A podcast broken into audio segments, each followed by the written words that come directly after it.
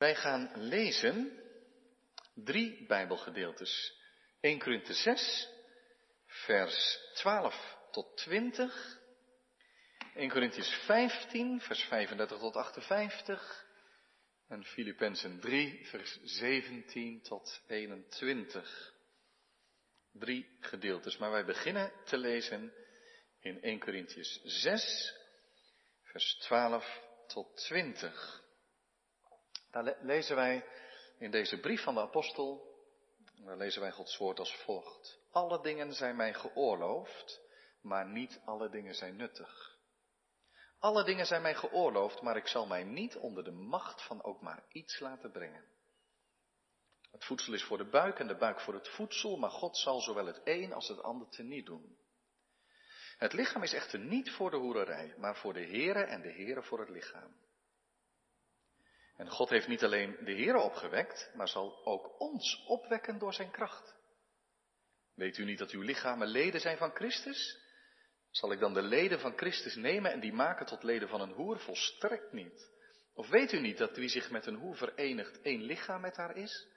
Want die twee, zegt hij, zullen tot één vlees zijn. Wie zich echter met de Heere verenigt, is één geest met hem. Vlucht weg van de hoererij. Elke zonde die een mens doet, is buiten het lichaam, maar wie hoererij bedrijft, zondigt tegen zijn eigen lichaam. Of weet u niet dat uw lichaam een tempel is van de Heilige Geest, die in u is en die u van God hebt ontvangen, en dat u niet van uzelf bent. U bent immers duur gekocht. Verheerlijk daarom God in uw lichaam en in uw geest, die van God zijn. Tot zover de eerste schriftlezing. En dan lezen wij verder in 1 Corinthians 15, vers 35 tot 58, waarin de apostel uitlegt hoe dat dan zal zijn als ook de lichamen zullen worden opgewekt van de gelovigen. 1 Corinthians 15 vanaf vers 35. Maar zal iemand zeggen, hoe worden de doden opgewekt en met wat voor lichaam komen zij terug? Dwaas, wat u zaait, wordt niet levend als het niet gestorven is. En wat u zaait, daarvan zaait u niet het lichaam dat worden zal, maar een kale graankorrel, al naar het voorvalt van tarwe of van een van de andere graansoorten. God echter geeft eraan een lichaam zoals hij gewild heeft, en aan elk van de zaden zijn eigen lichaam. Alle vlees is niet hetzelfde vlees, want het vlees van mensen is verschillend en het vlees van dieren is verschillend, en dat van vissen is verschillend en dat van vogels is verschillend. En er zijn hemelse lichamen en zijn aardse lichamen, maar de heerlijkheid van de hemels is verschillend en van de aardse is verschillend. De glans van de zon is verschillend en de glans van de maan is verschillend en de glans van de sterren is verschillend, want de ene ster verschilt in glans van de andere ster. Zo zal ook de opstanding van de doden zijn. Het lichaam wordt gezaaid in vergankelijkheid en het wordt opgewekt in onvergankelijkheid. Het wordt gezaaid in oneer, het wordt opgewekt in heerlijkheid. Het wordt gezaaid in zwakheid, het wordt opgewekt in kracht. Een natuurlijk lichaam wordt er gezaaid, een geestelijk lichaam wordt opgewekt. Er is een natuurlijk lichaam en er is een geestelijk lichaam. Zo staat er ook geschreven, de eerste mens Adam is geworden tot een levend wezen, de laatste Adam tot een levendmakende geest. Het geestelijke is echter niet eerst, maar het natuurlijke, en daarna komt het geestelijke. En de eerste mens is uit de aarde, stoffelijk, de tweede mens is de Heer uit de hemel. Zoals de stoffelijke is, zo zijn ook de stoffelijke mensen. En zoals de hemelse is, zo zijn ook de hemelse mensen. En zoals wij het beeld van de stoffelijke gedragen hebben, zo zullen wij ook het beeld van de hemelse dragen. Maar dit zeg ik, broeders, dat vlees en bloed het koninkrijk van God niet kunnen beërven. En de vergankelijkheid beërft de onvergankelijkheid niet. Zie, ik vertel u een geheimenis. Wij zullen wel niet alle ontslapen, maar wij zullen alle veranderd worden. In een ondeelbaar ogenblik, in een oogwenk bij de laatste bazuin. Immers de bezuin zal klinken en de doden zullen als onvergankelijke mensen opgewekt worden. En ook wij zullen veranderd worden. En dit vergankelijke moet zich met onvergankelijkheid bekleden en dit sterfelijke moet zich met onsterfelijkheid bekleden. En wanneer dit vergankelijke zich met onvergankelijkheid bekleed zal hebben en dit sterfelijke zich met onsterfelijkheid bekleed zal hebben, dan zal het woord geschieden dat geschreven staat. De dood is verslonden tot overwinning. Dood, waar is uw prikkel? Graf, waar is uw overwinning? De prikkel nu van de zonde, van de dood is de zonde en de kracht van de zonde is de wet. Maar God zij dank, die ons de overwinning geeft door onze Heer Jezus Christus. Daarom, mijn geliefde broeders, wees standvastig, onwankelbaar, altijd overvloedig in het werk van de Heer, in de wetenschap dat uw inspanning niet te vergeefs is in de Heer. Tot zover de tweede schriftlezing. We hebben nog een derde schriftlezing en die komt uit Filippenzen 3. De versen 17 tot 21. En daar schrijft de apostel. Wees met elkaar mijn navolgers, broeders. En hou het oog gericht op hen die zo wandelen zoals u ons tot een voorbeeld hebt. Want velen, ik heb dikwijls met u over hen gesproken en zeg het nu ook onder tranen, wandelen als vijanden van het kruis van Christus. Hun einde is het verderf, hun God is de buik, hun eer is in hun schande, zij bedenken aardse dingen. Ons burgerschap is echter in de hemelen, waaruit wij ook de zaligmaker verwachten, namelijk de Heer Jezus Christus, die ons vernederd lichaam veranderen zal, zodat het gelijkvormig wordt aan zijn verheerlijk lichaam. Overeenkomstig de werking waardoor hij ook alle dingen aan zichzelf kan onderwerpen. Tot zover de schriftlezingen voor deze dienst. Zalig zijn zij die het woord van God horen en geloven en daaruit leven. Amen. Het elfde artikel van de apostolische geloofsbelijdenis luidt, zoals u op uw blad kan zien, opstanding van het vlees. Soms ook weergegeven als ik geloof in de wederopstanding van het lichaam.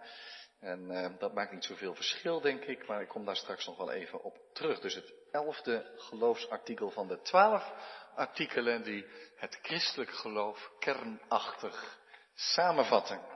Gemeente van onze Heer Jezus Christus. Wat geloven mensen tegenwoordig over het leven en ook over het leven na dit leven, het leven na de dood? Vroeger was dat heel gewoon. Soms denk ik wel eens, toen was geloven nog heel gewoon, maar het is nooit gewoon geweest natuurlijk. Maar het is wel in een rap tempo weggecijpeld uit de samenleving, het besef van God. En direct daaraan verbonden het besef van een leven na dit leven. Dood is dood, roepen velen. Velen geloven dat. Maar moet je ook anders als God achterhaald is? En tegelijk zien we ook steeds meer in de samenleving dat het geloof, het kwijtraken van het geloof in God en het kwijtraken van het leven na dit leven, ook heel ongemakkelijk gevonden wordt. Als er dan eens een uitvaart is, u heeft het wellicht in de familie ook wel eens meegemaakt, dan klinken opeens wonderlijke geloofsbelijdenissen. Echt vanuit een soort gespletenheid. We geloven dat dood dood is, maar ondertussen zit iemand wel naar ons te kijken en wordt de overledene aangesproken alsof hij ergens op een wolk zit en dat soort wonderlijke geloofsbelijdenissen. Ergens begrijp je het wel. Het geheim van het leven is zo groot dat op het moment dat je er tegenaan botst, dat het opeens moeilijk is om te zeggen dat dood ook echt dood is.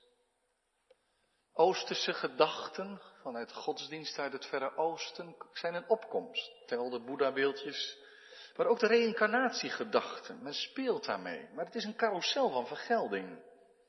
Je werkt je op en daarbij is het lichaam, daarom noem ik het natuurlijk ook even, het lichaam een lastig ding. Het lichaam is de kerker waar je ziel in opgesloten wordt. En heb je het er niet al te best van afgebracht, dan kun je een trap lager op de ladder beginnen. En uiteindelijk hoop je in goede levens, dat is natuurlijk een enorme prikkel om goed te leven, je zo opgewerkt te hebben dat je uiteindelijk als het ware verdwijnt in het zalige niets. Verlost van je lichaam. In de heel dat denken is het lichaam ook maar een lastig pakket. Waarvan je bevrijd moet worden. Nu, als we deze gedachte even tot ons laten doordringen, het is maar gewoon in houtskoollijntjes en in de gauwigheid, als je dat even tot je door laat dringen, wat denkt u dan? Zou wat je gelooft aangaande het leven na dit leven, zou dat invloed hebben op hoe wij leven tijdens dit leven? En hoe werkt het dan bij u, bij jou? Wat geloven wij? Wij geloven, zo beleiden wij hier, in de wederopstanding der doden. Openbaring zegt dat de doden klein en groot voor God zullen staan. Wij geloven specifieker nog in de opstanding van het lichaam. Het wordt hier zelfs vlees genoemd. Ons tastbare, aardse, schepselmatige bestaan. Dat zal er dan ook zijn. Het wordt opgewekt. En waarom is dat nou zo belangrijk voor het christelijk geloof? En soms speel ik wel eens met een gedachte, stel nou voor dat iemand tot geloof komt, die eerst niks gelooft en die komt tot geloof. Hoe zou u dan het wonderschone, het wondermooie van dit geloofsartikel overdragen en uitleggen? Tegenwoordig lijken mensen veel meer met de innerlijke rust en hun ziel tevreden te zijn. Stel voor dat die ziel nou eens voort zou leven en het lichaam is weg. Nee, zeggen we als christenen. Dat zou ons echt te weinig zijn. En daarom staan we in deze dienst vooral stil bij wat de betekenis en de kostbare waarde is van artikel 11 van de apostolische geloofsbelijdenis in het christelijk geloof. Waarom is het zo belangrijk om dit te beleiden? De theoloog van Ruler, ik heb hem af en toe wel eens uit de kast gehaald, simpelweg omdat hij een zeer spraakmakend boekje geschreven heeft over de twaalf artikelen van het geloof, onder de titel Ik geloof. Die geeft zes redenen aan waarom het geloofsartikel zo belangrijk is. En u vindt ze onderaan het blad samengevat in mijn eigen woorden. En ik loop ze langs en ik vul die ook wat aan met ook wat eigen gedachten daarbij. En hij zegt als eerste, het wondermooie van dit geloofsartikel is dat wij samen als christenen beleiden dat dit het laatste niet is. We leggen ons er niet bij neer dat dood dood is en dat ons leven is wat het is en dat de dood er een einde aan maakt en wat je kan zien dat dat het laatste is. Als dat zo zou zijn, dan zou het christelijk geloof misschien een inspirerende gedachte zijn, die je wat, wat krachtbronnetjes kan geven onderweg, maar het heeft geen echte waarde voor de werkelijkheid. Dan is er eigenlijk niets voor de toekomst om te hopen. Maar wij beleiden dit omdat er werkelijke verlossing is.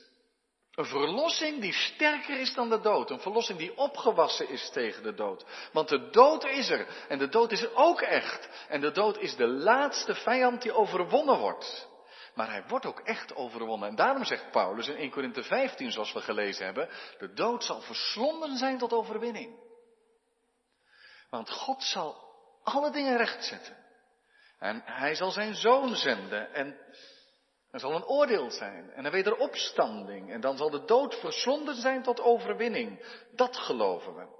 En dat betekent dus ook dat we niet geloven dat wat er nu is, dat het zomaar is zoals het is en dat het doorgaat zoals het gaat. Er staat iets te gebeuren. En dat is de totale verlossing. Dit leven is het laatste nog niet. En we hoeven ook niet te leven. Dat is ook het bevrijdende van dit geloofsartikel. We hoeven dus niet te leven alsof dit leven het laatste is. Alsof je er hier, zoals niet-gelovigen, er het beste van moet maken en het mooiste moet leven. Want ja, daarna is de koek op. Het beste wordt voor het laatst bewaard. En het is gebroken hier. Het is niet af. Sommigen hebben het goed, anderen hebben het vreselijk. Hoe kunnen we ermee leven? En als christenen geloven we de wereld moet gered worden. Niet alleen wij, de wereld ook, in alle gebrokenheid. De dood zal overwonnen worden, eens definitief. Er zal verlossing zijn. Dat is de eerste zonnige kant aan dit geloofsartikel. Tweede, de verlossing gaat over ons tastbare leven. Het gaat dus niet over het voortleven van de ziel alleen. De Heidelbergse catechismus, u vindt dat ook op uw blad, die zegt wel dat de ziel direct na, dit, na het sterven bij de Here mag zijn. Zo beleidt de apostel ook. Ik wilde wel ontbonden met Christus zijn. En de Heer Jezus heeft tegen die moordenaar aan het kruis gezegd, heden zult u met mij in het paradijs zijn. Er allerlei discussies gegeven over een tussentoestand en een zielenslaap en maar het gaat uiteindelijk om de lichamelijke opwekking. Het vlees. Vlees in de Bijbel heeft soms een heel negatieve kant. Dan gaat het over ons bestaan in zonde. Vlees strijdt tegen de geest, geest tegen het vlees. Maar soms heeft dat woord vlees vooral de betekenis van het lichamelijke, aardse bestaan. Dat tastbare bestaan dat God gewild heeft. Dat weliswaar gebroken is. De zonde heeft diepe sporen getrokken, maar wat toch Gods schepping is. Dus dit artikel, dat is het tweede punt wat we maken, zegt ook iets over de schepping. God doet zijn schepping niet weg. God doet de mens niet weg. En de mens is niet alleen maar zielig, ziel. De mens bestaat uit lichaam en ziel en geest, zoals u wil. Ligt eraan hoe je het uitlegt. Maar dat kun je niet allemaal losmaken van elkaar zo gemakkelijk, alsof de mens los van zijn lichaam zou kunnen bestaan. En daarom is het Nieuwe Testament zo geïnteresseerd, niet zozeer in het voortleven van de ziel, maar vooral in de wederopstanding van het lichaam. Er zal herschepping zijn, die echte verlossing zal herschepping betekenen.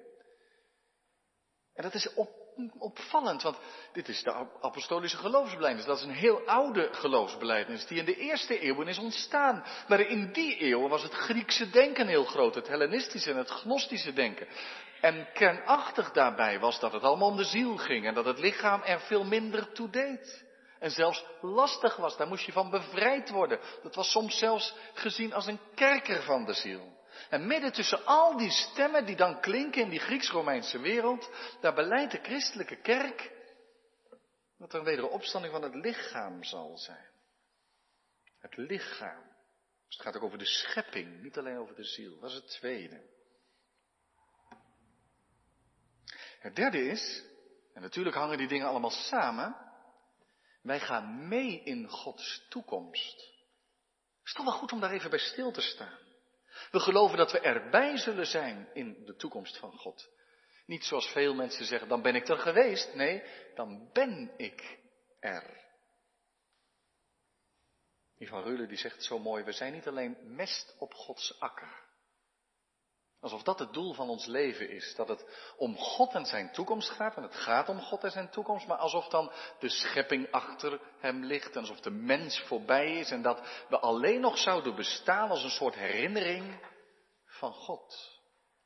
Nee, zegt dit artikel. We zijn geschapen voor meer. We zijn herschapen voor meer. We zullen delen in die grote toekomst van God. De gelovigen zullen opstaan in Gods toekomst, in de opstanding en het oordeel dat er dan is. Dan komt alles tot ontknoping, niet alleen tot afronding. Dan is het niet gedaan, dan komt het tot voleinding. Dan zullen we er zijn met herinneringen, met lofprijzing, met bewustzijn, met een echt leven. Ook daarover gaat de opstanding der doden. We zullen het weten dat we er zijn. En we zullen God zien zoals Hij is. Dat is het derde. Het vierde, lichamelijke verlossing, betekent ook echte herschepping van mensenlevens. We kunnen niet echt genoeg denken over de wederopstanding van de doden. Ik zei al, de mens is niet zielig alleen, maar ook het leven in Gods toekomst is niet alleen een zalig hemelleven. Hoe mooi en rijk dat ook is, maar er is een nieuwe aarde, een nieuwe hemel en die twee komen bij elkaar. En dat betekent echt leven en daarom gaat dit artikel ook niet over ons als individu alleen. Je zou kunnen zeggen, als het alleen maar over de redding van de ziel gaat, dan zou je de neiging hebben om het heel individualistisch op te vallen. Als mijn ziel maar gered wordt. Maar het gaat om meer, het gaat over de schepping. Het gaat ook over de wederopstanding van ons lichaam. En dat betekent dat het om het echte leven gaat. En dat we niet alleen zullen zijn. Hoe persoonlijk het ook is, het hele evangelie. Hoe persoonlijk ook het werk van de Heilige Geest is. En het is belangrijk. Maar de redding is niet individueel. Wel persoonlijk, maar niet alleen. Ons menselijke leven is geschapen in relatie tot anderen. En dat betekent ook opstaan met elkaar. Dan zal de tijd aanbreken dat de mensen elkaar zullen vinden en voor elkaar niet meer als verscheurende dieren zullen zijn. Dat is het vierde. Lichamelijke verlossing betekent ook herschepping van mensenlevens. Het betekent ook samenleven. Het vijfde is eigenlijk al aan de orde gekomen in een eerder geloofsartikel, namelijk in 7. Vandaar zal hij komen om te oordelen de levenden en de doden. Daarom nu kort daarover. De opstanding laat wel zien dat ons leven zoals wij dat nu leven kostbaar is en zeer ernstig. Het doet ertoe zoals wij leven. Als er geen opstanding zou zijn, dan zal het er wellicht niet toe doen. Nu wel. God neemt ons serieus en gaat vragen stellen bij ons leven. Hij heeft ons geschapen naar zijn beeld. Dat betekent ook in een verantwoordelijke relatie. Ons leven is bedoeld als een antwoord op Gods goedheid. En God vraagt daarnaar. Hij zegt niet het leven, dat houdt maar een keer op. De dood hoort bij het leven en dan is het voorbij. Hij zegt, de doden, groot en klein, zullen voor mijn troon staan en ieder zal verantwoording afleggen. Dan worden de boeken geopend en ook het boek dat van het leven is. Ook dat is een aspect van de opstanding van de doden, van het lichaam. En tenslotte, wat deze zes punten betreft, de opstanding zegt ook, het is nog niet goed. Opstanding betekent ook heelheid van het lichaam. Wat is dat een geweldige troost voor een ieder die alle gebreken voelt. Het lichaam is hier geschonden en gebroken. Je kunt dan denken, ik ga naar de sportschool en ik maak er een kast van een lijf van, maar de jaren zullen het wel duidelijk maken. Er zal verval zijn. Er zijn handicaps, er zijn ongelukkige lichamen. En aan allen die gebrek geleden hebben, verminkt werden, zal God uiteindelijk toch recht doen. Hoe? Dat is aan Hem. Het lijkt voor ons, als wij dat beleiden als christen, als gelovigen, te mooi om waar te zijn, maar we beleiden het met verwondering en dankbaarheid. Wat een rijkdom heeft het christelijk geloof dat we dit mogen beleiden, dat in Gods toekomst er werkelijk leven zal zijn. Een lichamelijke opstanding. Maar hoe dan? Hoe dan? Daar is veel over te zeggen en tegelijk weinig. Het is opmerkelijk dat als je 1 Korinthe 15 leest, dat de apostel in dat hoofdstuk notabene zegt, dwaas, het leest altijd wat lastig, hè? Is het u opgevallen toen ik begin lezen? Maar zal iemand zeggen, hoe worden de doden opgewekt? En met wat voor lichaam? Leg ons nou eens uit hoe dat lichaam dan eruit ziet. Wat is de verhouding tussen ons lichaam hier en het lichaam daar? En dan zegt hij, dwaas, wat u zaait. Het lijkt wel alsof Paulus zegt, nou met tegenzin zal ik je dan wat uitleg geven. Maar erin doordringen doen we toch niet. Het blijft ergens beeldspraak. En daarom ja, als je gaat zaaien, dan, dan, moet je het loslaten. Je moet het kwijtraken. En daaruit ontstaat nieuw leven. Maar dan is dat nieuwe leven wel echt anders dan het oude leven. En dan heeft de apostel het over een verschillende kracht van lichtsterkte, van zon, maan en sterren. En dan zei er is ook echt een verschil tussen het leven hier, het lichamelijke leven hier en het lichamelijke leven in de opstanding. En we krijgen dat niet tussen duim en wijsvinger, hoe dat nou zit. Er is discontinuïteit, is verschillend. En er is continuïteit. Want het is wel dit lichaam dat opgewekt wordt. En daar begint het te duizelen en kunnen we het niet duiden. Dit lichaam, zal dat echt uit de smalle graven klimmen? Zoals we nog gaan zingen? Kun je dat letterlijk nemen? Nee, ergens ook niet. Stelt ook voor allerlei vragen. Wat nou als iemand verbrand is? Wat nou als iemand zegt, ik laat me cremeren mijn as over de hele wereld uit verstrooien, zeg maar. Wat is die opstanding dan? Gaat God alle moleculen weer bij elkaar brengen? Dan weten wetenschappers over, eh, en biologen over cellen enzovoort van allerlei vragen bij te stellen. Is het dan zo? Nee, zegt de apostel dan. Er is een te groot verschil tussen het hier en daar.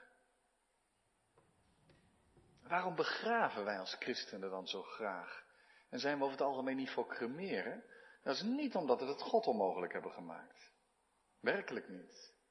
We gebruiken verschillen wereldwijd ook nog wel wat. Maar de begrafenis is een getuigenis, zoals we dat vaak zeggen. Omdat we dan zeggen dat de Heer Jezus het graf geheiligd is, omdat Hij de eersteling van de opstanding is geworden. Hij is reeds uit het graf gegaan en wij verwachten dat ook. Vooral vanwege het getuigenis dat dan klinken mag. We zaaien wel een lichaam, maar we verwachten de oogst. Is het gemakkelijker voor de Heere God als we niet meegedaan hebben met orgaandonatie? Nee, zou de apostel zeggen, hoewel hij er nog weinig kijk op had in die tijd. Nee, zou hij zeggen. Wij hebben ons leven vanwege het geloof zelfs over voor kruisiging en verbranding. Maar wij verwachten desalniettemin, en dat is Gods geheim, de opstanding van de doden. Denk maar aan de opstanding van Jezus, soms helpt dat. hij was het echt. Hij zegt zelfs, kijk mijn handen en mijn voeten. Ik ben het zelf. Daaraan kun je mij herkennen. Er lag niet een oud lichaam in het graf. Zo van hij zegt, dat heb ik niet meer nodig, ik heb toch een nieuw lichaam. Het was echt zijn lichaam. En tegelijk is alles anders. De herkenning ligt lastiger. Ze aarzelen. Hij komt terwijl de deuren gesloten waren. Dat is dat verschil. Hij is het echt. Maar alle dingen zijn anders. Hij is opgestaan in het eeuwige leven. En daarom loopt 1 Korinthe 15 ook niet uit in een soort verklaring, een handboek van hoe zal het gaan, maar het loopt uit in een loflied. De dood zal verslonden zijn tot overwinning. Hoe zal het zijn met de leeftijden, ouderen en jongeren?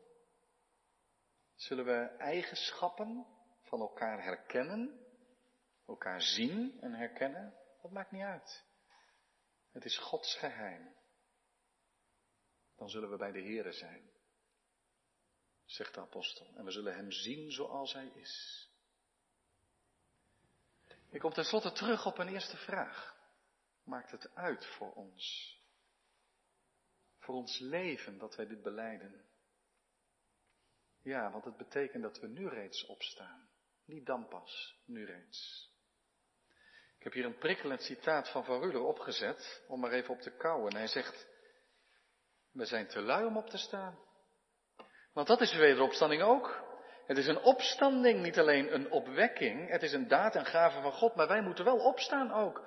Blijven we liever liggen in, liggen in de staat van onze vervallenheid en verlorenheid? Dan kunnen we lekker medelijden hebben met onszelf en protesteren tegen de absurditeit van het bestaan. Het evangelie jaagt ons uit ons luie nest.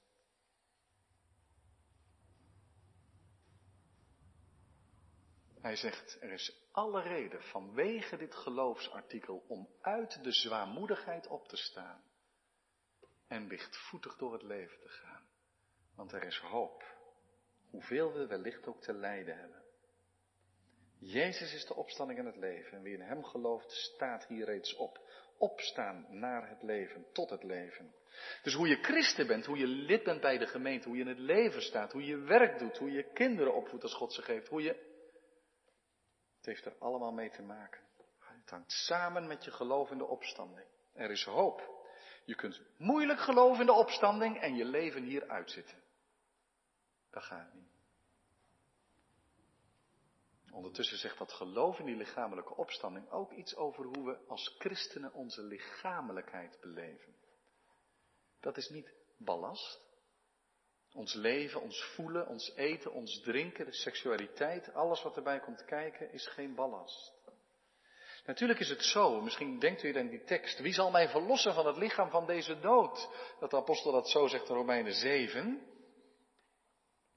Maar het gaat over dit zondige bestaan en het verlangen naar heelheid. In 1 Korinthe 6 hebben we gelezen dat het lichaam geen kerker is. In Korinthe dacht men zo, het lichaam is zo onbelangrijk, het maakt ook echt niet uit waar je ermee doet.